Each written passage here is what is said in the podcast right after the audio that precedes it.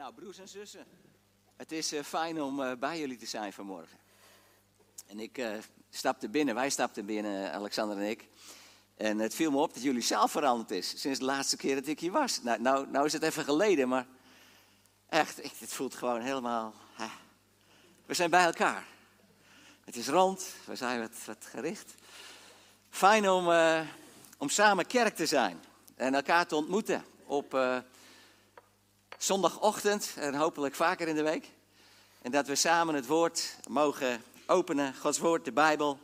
Dat we dat mogen koesteren, daarover na mogen denken. En dat we dat inderdaad mogen doen in het kader van Heer, leer mij uw weg. En ik wil uh, vanmorgen met jullie een uh, paar versen, eigenlijk twee versen lezen. Vanuit 1 Korinthe hoofdstuk 15, de versen 57 en 58. 1 Korinthe 15, vers 57 en 58. En daar willen we daar met elkaar over nadenken. Maar, staat daar geschreven, Paulus die schrijft dat, geleid door de Heilige Geest. Laten we God danken, die ons de overwinning geeft door onze Heer Jezus Christus. Kortom, geliefde broeders en zusters, wees standvastig en onwankelbaar en zet u altijd volledig in voor het werk van de Heer. In het besef dat de inspanningen die u voor de Heer verricht nooit te vergeef zijn. Zover deze verse uit Gods woord. Nou, het is uh, vanmorgen al, al even langsgekomen.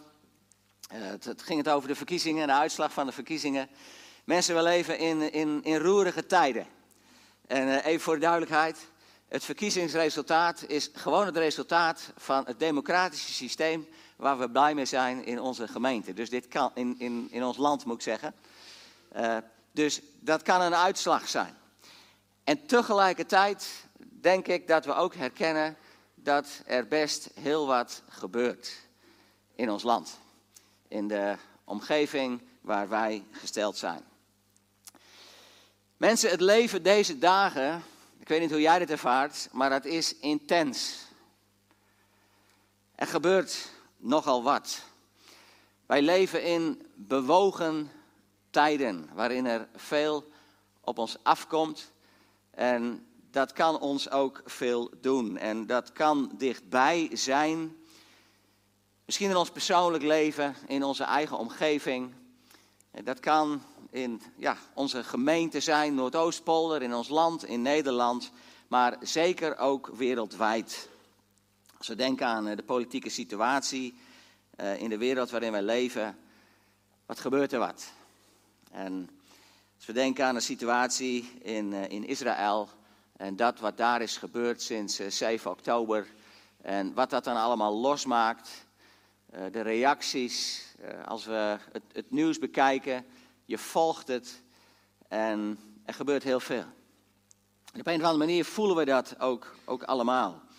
En in verband met de actualiteit van de dagen waarin wij leven, ja, zou ik vanmorgen met jullie eigenlijk stil willen staan bij een thema vanuit deze twee versen. Namelijk het thema houd focus. Houd focus. En ik weet niet hoe jij hier zit. Ik weet niet wat het met jou doet hoe rustig je hart is of wellicht hoe onrustig je hart is, om wat, door wat voor oorzaak ook. Als er één ding is wat Paulus volgens mij geleid door de Heer naar voren wil brengen in deze verse, dan is het, broers en zussen, in alles wat er gebeurt, houd focus. En hij schrijft daarover. Houd focus in een brief die hij schrijft aan een gemeente in Griekenland, in een Korinthe, een plaats, een stad in Griekenland. En hij schrijft aan hen geweldige dingen. Waar hij hen bij bepaalt, als we kijken naar 1 Korinthe hoofdstuk 15, dan bepaalt hij hen bij het feit dat wij als christenen een geweldige toekomst hebben. En wat is het fijn, wat is het goed, wat is het geweldig om dat echt voor ogen te hebben. Dat wij mogen weten dat er na dit leven hier een leven is bij God. Vandaag is het kerkelijk gezien ook eeuwigheidszondag, waarop stil wordt gestaan in kerken bij mensen, broers en zussen die ons ontvallen zijn in het afgelopen jaar. En dan mogen we met elkaar beseffen dat wij mensen van hoop zijn. Dat wij in dit leven te maken hebben met de dood, met ellende, met ziekte. Maar dat wij een Heer dienen, zoals het hier staat, die ons de overwinning geeft door onze Heer Jezus Christus. En dat niet de dood, ziekte, ellende het laatste woord heeft, maar onze God. En dat wij eeuwig leven hebben bij Hem. En dat is een woord van hoop. Zo is het bedoeld. Wij zijn geroepen om mensen van hoop te zijn. Paulus die schrijft dat aan de Corinthiërs. Ons wacht een heerlijke toekomst waarin wij bij de Heer zullen zijn en waarin wij samen zullen zijn met die mensen die ook hun vertrouwen hebben gesteld op de Heer Jezus Christus. En Paulus die gaat in 1 Korinthe 15 in ja, op, op eigenlijk iets in, wat, wat in Korinthe speelde. Dat sommige mensen niet geloofden in een leven na dit leven. En hij zegt, mensen weet het, hebben weet van. Ons wacht een heerlijke toekomst. Wij mogen het zelfs zo zien dat ons leven hier een leven is op weg naar die heerlijke toekomst. De geschiedenis van deze wereld waar wij onderdeel van zijn, die is op weg naar het moment dat elke knie en elke tong zich zal buigen voor Jezus Christus, die zijn leven heeft gegeven. En dat door zijn dood en sterven en opstanding mensen dat eeuwige leven zouden kunnen ontvangen. Eeuwigheidsperspectief. Dat mag ons voor ogen staan. En als we dan ja, denken aan wat Paulus daarover schrijft in 1 Korinthe 15, dan, dan, heeft hij het over de vergankelijkheid, die, die onvergankelijkheid zal aandoen. En dat op een gegeven moment de bazuin zal klinken en dat Christus terugkomt.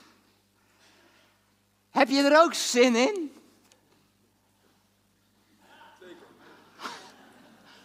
Echt mensen? Dat is onze toekomst. Paulus hoopt zo. En de Heer hoopt zo dat wij daar vol van zijn. En dat wij het leven nu laten bepalen door dat perspectief. En als we dan denken aan een tekst als Matthäus 24, maar ook andere teksten, dan hebben we de indruk dan krijgen we de indruk dat het wel eens niet lang meer zou kunnen duren. Binnenkort komt de dag, ja. We gaan er ook voor zingen volgens mij, hè? Heel goed. Het lijkt niet lang meer te duren. Het opmerkelijke is ook dat de Heer Jezus zegt: Alleen de Vader weet wanneer het zal zijn. Maar in Matthäus 24 op een vraag ook van zijn volgelingen: Wanneer gaat het gebeuren?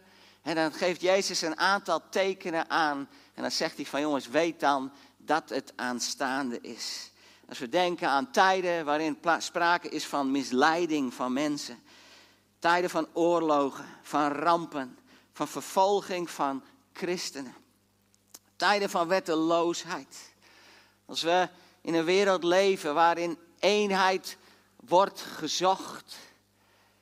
Om ons vertrouwen te stellen op wat mensen doen wereldevangelisatie, dat alle volken bereikt worden. Wij leven in tijden, ook met behulp van de moderne media en de middelen, dat er plannen zijn, dat het in beeld lijkt dat wij onbereikte volken echt kunnen bereiken. Wat een zegen van moderne media. En dan natuurlijk denken we ook aan Gods oogappel, Gods volk Israël. En als we stilstaan bij 1948, dat het Joodse volk weer een eigen staat kreeg. En als we denken aan het Joodse volk deze dagen en hoe op een of andere manier toch iedereen een mening heeft over Israël, broers en zussen, wij leven in tijden waarin dingen gebeuren, waarin je soort van, hè, als ik denk aan die film van C.S. Lewis, Aslan is on the move. Het lijkt erop dat God in beweging is. De wereld waarin wij leven. Wat doet dat dan met ons? Wat werkt dat dan in ons uit? Wat kunnen wij daar dan mee? Wat moeten wij daar dan mee doen? Hoe vertalen wij dat naar ons eigen leven? Maar als we dan kijken naar de brief van Paulus aan de Corinthiërs, en ik haal het al even aan, dat, dat onder dat hoofdstuk 15, dat daar uh, ja, meningen liggen van mensen, dat er geen opstanding is uit de dood. Nou, in die gemeente gebeuren nogal wat. Het is heel opmerkelijk dat Paulus heel positief begint en het heeft over jullie zijn geroepen door de Heer Jezus Christus tot gemeenschap met Hem en, en, en, en God is met jullie. Maar daarna gaat hij van alles adresseren wat niet goed is. Welkom in de kerk. Welkom in de kerk waar oneenigheid is. Waarin de een zegt, ik ben van die, ik ben van die. En de mensen ook zijn die zeggen, ik ben van Jezus. En ze, ze roepen eigenlijk voor mannen aan om zich achter te verschuilen en zich te profileren tegenover een ander. Korinthebrief gaat over onheilig leven. Dat ook in de gemeente plaats kan vinden. Korinthebrief gaat over gaven en dat er een onderscheid wordt gemaakt. Iedereen heeft iets, zegt het woord, waardoor we juist elkaar nodig hebben. Maar wij maken een onderscheid in gaven en zeggen deze is belangrijker dan die en ik heb die. Ik wil die ook. Met andere woorden, ik wil me onderscheiden van een ander en eigenlijk boven een ander staan. Terwijl het juist de bedoeling is dat doordat we allemaal verschillende gaven hebben, we groeien in afhankelijkheid van elkaar. Niet onderscheiden. De oude mens, die ook in de gemeente van Jezus naar voren komt. Misstanden rond het avondmaal, hoe dat gevierd wordt. Er gaat veel mis. Strijd in de gemeente, strijd van binnen. Paulus zegt in de Efezebrief dat wij daar ook doorheen moeten kijken. Doorheen kijken in die zin dat we niet te maken hebben met dat wat voor ogen is. Ja, daarin uiten zich dingen. Maar dat we als kinderen van God te maken hebben met een geestelijke strijd. Met overheden en machten in de hemelse gewesten. Die proberen ons van de rechte wandel in de Heer af te trekken. Die proberen ons te ontmoedigen. Die proberen ons bezig te laten zijn met zaken die er niet toe doen. Zaken die wel op ons afkomen. Zaken die wel onze aandacht vragen. Zaken die proberen onze tijd te vullen. Maar Paulus, die wijst erop dat er iets is wat daar bovenuit gaat. Dat wij geroepen zijn om geheel anders te zijn dan hoe er in de wereld met zaken wordt omgegaan. Wij leven in dezelfde werkelijkheid, maar wat doet die werkelijkheid met mij? En hoe ga ik daarmee om? Er is onrust, er is strijd in de gemeente in Korinthe, in de wereld om ons heen. En wat zegt Paulus dan? Wel, de weg van een christen is Kortom, geliefde broeders en zusters, wees standvastig en onwankelbaar. Wees standvastig en onwankelbaar. De Heere God geeft ons de overwinning door de Heer Jezus Christus. En daarom wees standvastig. In Matthäus hoofdstuk 7, daar heeft de Heer Jezus het over waarop bouwen wij? En dan zegt hij in de stormen van dit leven, bouw op de rots. Als je op de rots bouwt, Jezus Christus, dan kan het stormen, maar dan houdt je levenshuis stand. Als je, ook in je leven als christen, gericht bent op wat er op je afkomt, en het waait en het water komt hoog op, dan kan dat invloed op je hebben. Maar, en als je je laat leiden door wat er op je afkomt, ja, dan gaat je levenshuis onderuit. Zie op de rots en zie niet op wat er van buiten op je afkomt. En hoe doen we dat dan? Hoe werkt het dan in uw? Hoe werkt het dan in jou? Hoe werkt het dan in mijn leven? Nou, lieve mensen, in alle eerlijkheid, ik kan echt wel gevoelig zijn voor wat er gebeurt. Ik weet niet hoe jij het ervaart, maar als ik het journaal aan doe, en dan kijk wat er allemaal gezegd wordt. En als ik beelden zie, in het Duits zegt, zegt men zo mooi, dan kan je dat beeindrukken. Herken je dat? Dat het je beeindrukt. Dan denk ik, ik doe de tv niet meer aan. Als je ziet wat er allemaal om je heen gebeurt, dan kan dat een effect op je hebben. En dan kan het zijn dat je gezicht naar beneden gaat, dat de moed je in de schoenen zinkt. En dan kan het eigenlijk in je uitwerken dat je blik naar beneden slaat. Maar het kan ook zijn in dingen die gebeuren dat je echt vanuit emotie gaat reageren. Dat eigenlijk impulsen jouw gedrag gaan bepalen.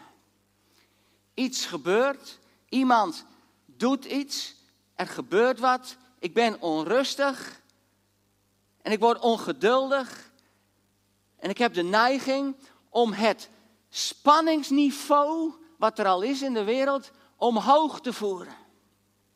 He, men spreekt wel van escalatietrap hè, die omhoog kan gaan. Als er een gesprek is over wat er in de wereld om ons heen gebeurt. En we hebben het erover, die doet dit, die doet dat, die doet dat. Op wat voor wijze wordt er over gesproken? Wel, het niveau van angstige bezorgdheid in deze dagen wordt ras omhoog gevoerd. Er is veel onrust. Er is veel onvrede. Mensen profileren zichzelf door zich tegen een ander af te zetten. En ook ik kan daar vanuit mijn gevoelens van diepe onzekerheid aan meedoen. En daarin meepraten. En dan gaat het van kwaad tot erger. En dan zijn deze tijden te vrezen, want de grenzen bewaken. als het gaat om vredig met elkaar omgaan, die lijken ook te vervagen. Als we denken aan het geweld, wat ook toeneemt, waar we ons best wel zorgen over kunnen maken. Jacobus zegt in zijn brief dat de tong een middel van de hel kan zijn. Dat wij ook als christenen in wat wij meemaken en in de zorgen die wij hebben en in, die, in de verongelijkheid die wij meemaken, dat wij licht ontvlambaar kunnen zijn. Mensen in vuur en vlam staan voor Jezus Christus heeft niets te maken met licht ontvlambaar zijn. Niets. In vuur en vlam staan voor Jezus is een houding van hart van waaruit we de weg gaan die de Heer ons wijst in het omgaan met onze emotie. En dat is niet het spanningsniveau opvoeren door mee te praten in onzekerheid. Door bepaalde vuren te voeren en daar hout op te gooien. Nee, een christen is geroepen. En dat is wat Paulus hier zegt. Kortom, geliefde broeders en zusters, wees standvastig en wees onwankelbaar. Wij staan op de rots. Er kan ons niets gebeuren. Ik ben een kind van de Allerhoogste God. Geloof ik dat? Wat denk ik nou? dat die politieke verkiezingen zijn geweest en dat mensen ertoe doen? Deze wereld is in de handen van de Alpha en de Omega, de schepper van hemel en aarde. Die in zijn woord zegt dat hij deze wereld leidt naar zijn raad. Dat wij onderweg zijn naar de wederkomst van Jezus Christus. Als er mensen zijn die zich niet druk hoeven te maken over wat er om ons heen gebeurt, dan zijn wij het. Omdat we in de hand van God zijn en weten dat die God een goede God is. Die ons mee wil nemen in de dingen van zijn hart. En daarom zegt Paulus, als die toekomst ons wacht, mensen, laat je niet gek maken. Laat je niet meenemen in emotie, in licht ontvlambaarheid, in zorgen, in onrust. Als er iemand is die dat wil, dan is het degene wiens gedachten ons niet onbekend zijn. En dat is de geestelijke tegenstander van God. Juist in onrust mogen wij als christenen ons onderscheiden door heel rustig te zijn. Eigenlijk moet je dat gewoon dagelijks oefenen. Ik ga de dag in en ik zeg, Heer, ik ben heel rustig vandaag. Ik ben cool. Ik ga het nieuws weer horen, Heer. Gaat weer van alles gezegd worden. Ik kom mensen tegen en ik hoor op mijn werk of op school of thuis bij de buren. Ik hoor van alles, maar Heer, ik ben zo cool. En waarom ben ik zo cool, Heer Jezus? Ik prijs u naam aan u de overwinning. Er kan wel helemaal niks gebeuren, Heer. Helemaal niks. Ja, ja, ik kan wel moeilijke dingen meemaken, maar in mijn zwakheid, wie is overwinnaar? Jezus Christus. De Heilige Geest, die zijn kracht in mij geeft. Mensen, deze tijd vraagt dat wij onze identiteit in Christus uitleven. Ik zou je zeggen, dat is de enige manier om te overleven. Als je ruimte geeft aan wat er van buiten op je afkomt, dan ben je weg. Ik geloof dat dit de weg is die de Heer ons ook wijst. En dat Hij ons daartoe roept. Want, Paulus gaat verder, wees standvastig onwankelbaar. En dan zegt hij, zet u altijd volledig in voor het werk van de Heer. In het besef dat de inspanningen die u voor de Heer verricht nooit te vergeef zijn. Let op hè, zet u altijd volledig in voor het werk van de Heer. Je bent standvastig. Je bent onwankelbaar. Je weet dat de geschiedenis, de geschiedenis van de Heere God, dat wij op weg zijn naar de wederkomst van Christus. Wij weten dat wij niets hoeven te verwachten van de wereld. We weten wat wij kunnen verwachten van de geestelijke tegenstander, die alles probeert tegen elkaar op te zetten en ons eigenlijk passief te maken. Dat probeert hij. Maar wat wij vanuit die onwankelbare positie mogen weten, is dat juist nu wij geroepen zijn om in het werk van de Heer te staan. Mensen, prijs de Heer voor crisissen. Prijs de Heer voor crisissen. Om ons heen in ons persoonlijk leven. Ja, ik weet niet wat ik zeg hoor. Eigenlijk heb ik het liever niet. Maar een crisis laat ons merken dat wij het helemaal niet van onszelf kunnen verwachten. Crisissen drijven ons uit naar Christus. Waar we sowieso al hadden moeten zijn. De zegen van een crisis is dat wij merken, mensen, dat wij het zelf niet kunnen. En dat er maar één iemand is die wij nodig hebben. En dat is de schepper van hemel en aarde. Als we kijken naar de crisis in de wereld, kopie erbij. Kopie erbij. God weet het. Hij heeft alles in zijn hand. Hij leidt het naar zijn raad. Waar is hij mee bezig? Wat gebeurt er? Wat voor kansen geeft dit voor het evangelie? Daar mag onze blik op gericht zijn. En dat is wat hij zegt. Zet u altijd volledig in voor het werk van de Heer. Als je je niet meer druk maakt om wat er om je heen gebeurt, kun je focussen op God en je afvragen: God, wat bent u aan het doen en hoe kan ik met u meewerken? En dit is een goddelijke samenzwering. Een goddelijke samenzwering van mensen die in de rust zijn en die weten dat als er crisis is, dat dat kansen zijn voor het koninkrijk. En God roept ons om daarvoor beschikbaar te zijn. Om altijd volledig ons in te zetten voor het werk van de Heer. Actief. 2 Petrus 3, vers 9. God talmt niet met de belofte van zijn wederkomst, maar hij wil niet dat sommigen verloren gaan. Waarom komt Jezus nog niet terug? Omdat God nog steeds in deze tijd van genade mensen tot zich wil trekken. Daar is hij mee bezig. Dat is zijn agenda. En dat zou onze agenda moeten en mogen zijn. Dit is de context van vandaag waarin wij leven. Waarin we met elkaar op gefocust mogen zijn. Dat mensen Jezus leren kennen. Een wereld in onrust. Waarin wij de grote opdracht hebben. En ons daar met z'n allen, naar al onze gaven en talenten en mogelijkheden, dat wij ons daarvoor inzetten.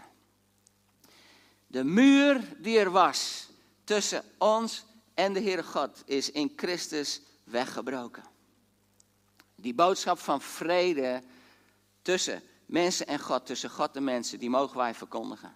En ik vind het zo bijzonder hè, dat als we kijken naar Efeze 2, en dan gaat het over het spanningsveld, ook tussen uh, Jood en Griek, wat er in die tijd ook was, hè, dat Paulus daar naar voren brengt, dat door dat Christus de muur tussen ons en God heeft weggebroken, dat de muren tussen mensen ook zijn weggebroken.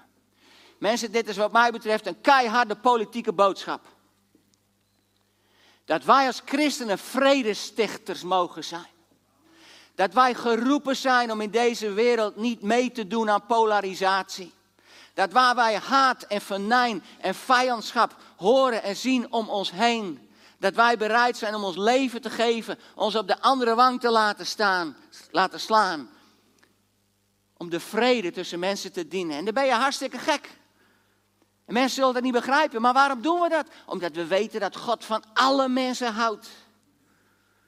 Juist wij als christenen in deze dagen mogen mensen zijn van vrede. Die, die mensen die ons slaan, die ons dwars zitten, tegemoet komen. En waarom? omdat Christus ons zo tegemoet is gekomen. Dragen wij daaraan bij? Werken wij daaraan mee? Paulus zegt, zet je volledig in. In de MBG-vertaling staat het overvloedig. Dit is niet iets wat je er even bij doet. Geloof echt hoor, naarmate de dag van Jezus Christus dichterbij komt, wordt het zwarte zwarter en het witte witter.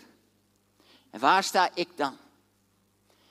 De tijd van compromissen, de tijd van blauw-blauw. Vergeet het. Gaat steeds spannender worden en dan gaat een beroep op jou gedaan worden. Waar sta je? Waar geef jij je aan? Is de zaak van Christus, is leven met Jezus, is dat jouw topprioriteit? Of heb je tot nu toe er misschien erbij gedaan? Dat je er gewoon de dingen doet die ja, verwacht, verwacht mag worden van een christen, van een kerkelijk mens. De tijden waarin wij leven drijven ons naar uit dat de vraag is waar wij werkelijk staan.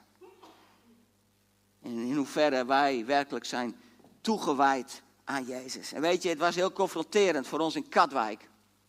Dat wij in de week voor 7 oktober, daar hadden wij een, een Israëlisch voorgangers-echtpaar op bezoek. Israël en Marti Ilus. En zij zijn actief. Hij is een Messias beleidende Jood. En we zijn met hen in contact gekomen via Comité Gemeentehulp Israël.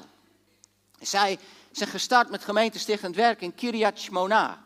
Dat is echt helemaal in het noorden van Israël. En ze hebben een gemeente nu gesticht in Rosh Pinah. Dat ligt ook boven in Galilea. Dat zijn de streken waar de Heer Jezus naartoe is, daar natuurlijk woonde en werkte. Dat is onbereikt gebied. Onbereikt gebied. En zij bereiken daar mensen met het evangelie. Dat zijn eerste generatie christenen. En vanuit de baptistengemeente in Katwijk, waar ik voorganger mag zijn, zijn we bezig om een partnership met hen aan te gaan. Om hen daarin ook te steunen, te kijken wat wij kunnen betekenen voor het getuigenis onder Joodse mensen. Ten aanzien van de Messias, Jezus Christus. En deze broeder en zijn vrouw waren bij ons.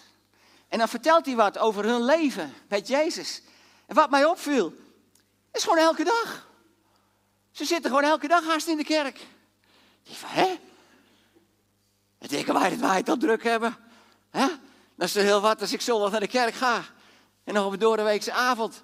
Dat we ook nog naar de bijeenkomst gaan. Misschien nog een taak heb in de kerk. Nou, dan doe ik het al heel goed, toch? Daar leek het wel alsof ze ervoor leefden. En dat is ook zo. En het was in die zin, vond ik dat echt confronterend. Dat zij eigenlijk zo geweldig vertelden van dat zij gemeente zijn van Jezus Christus. En hij ook met elkaar zeggen, wij zijn geroepen om het evangelie uit te dragen. Nu, en zij gingen maandags weg en zaterdag was het 7 oktober. Uh, en, en, en toen was die, die, die inval vanuit, vanuit Gaza. Nou, we hebben contact met hen, blijven op de hoogte heel direct van wat daar gebeurt.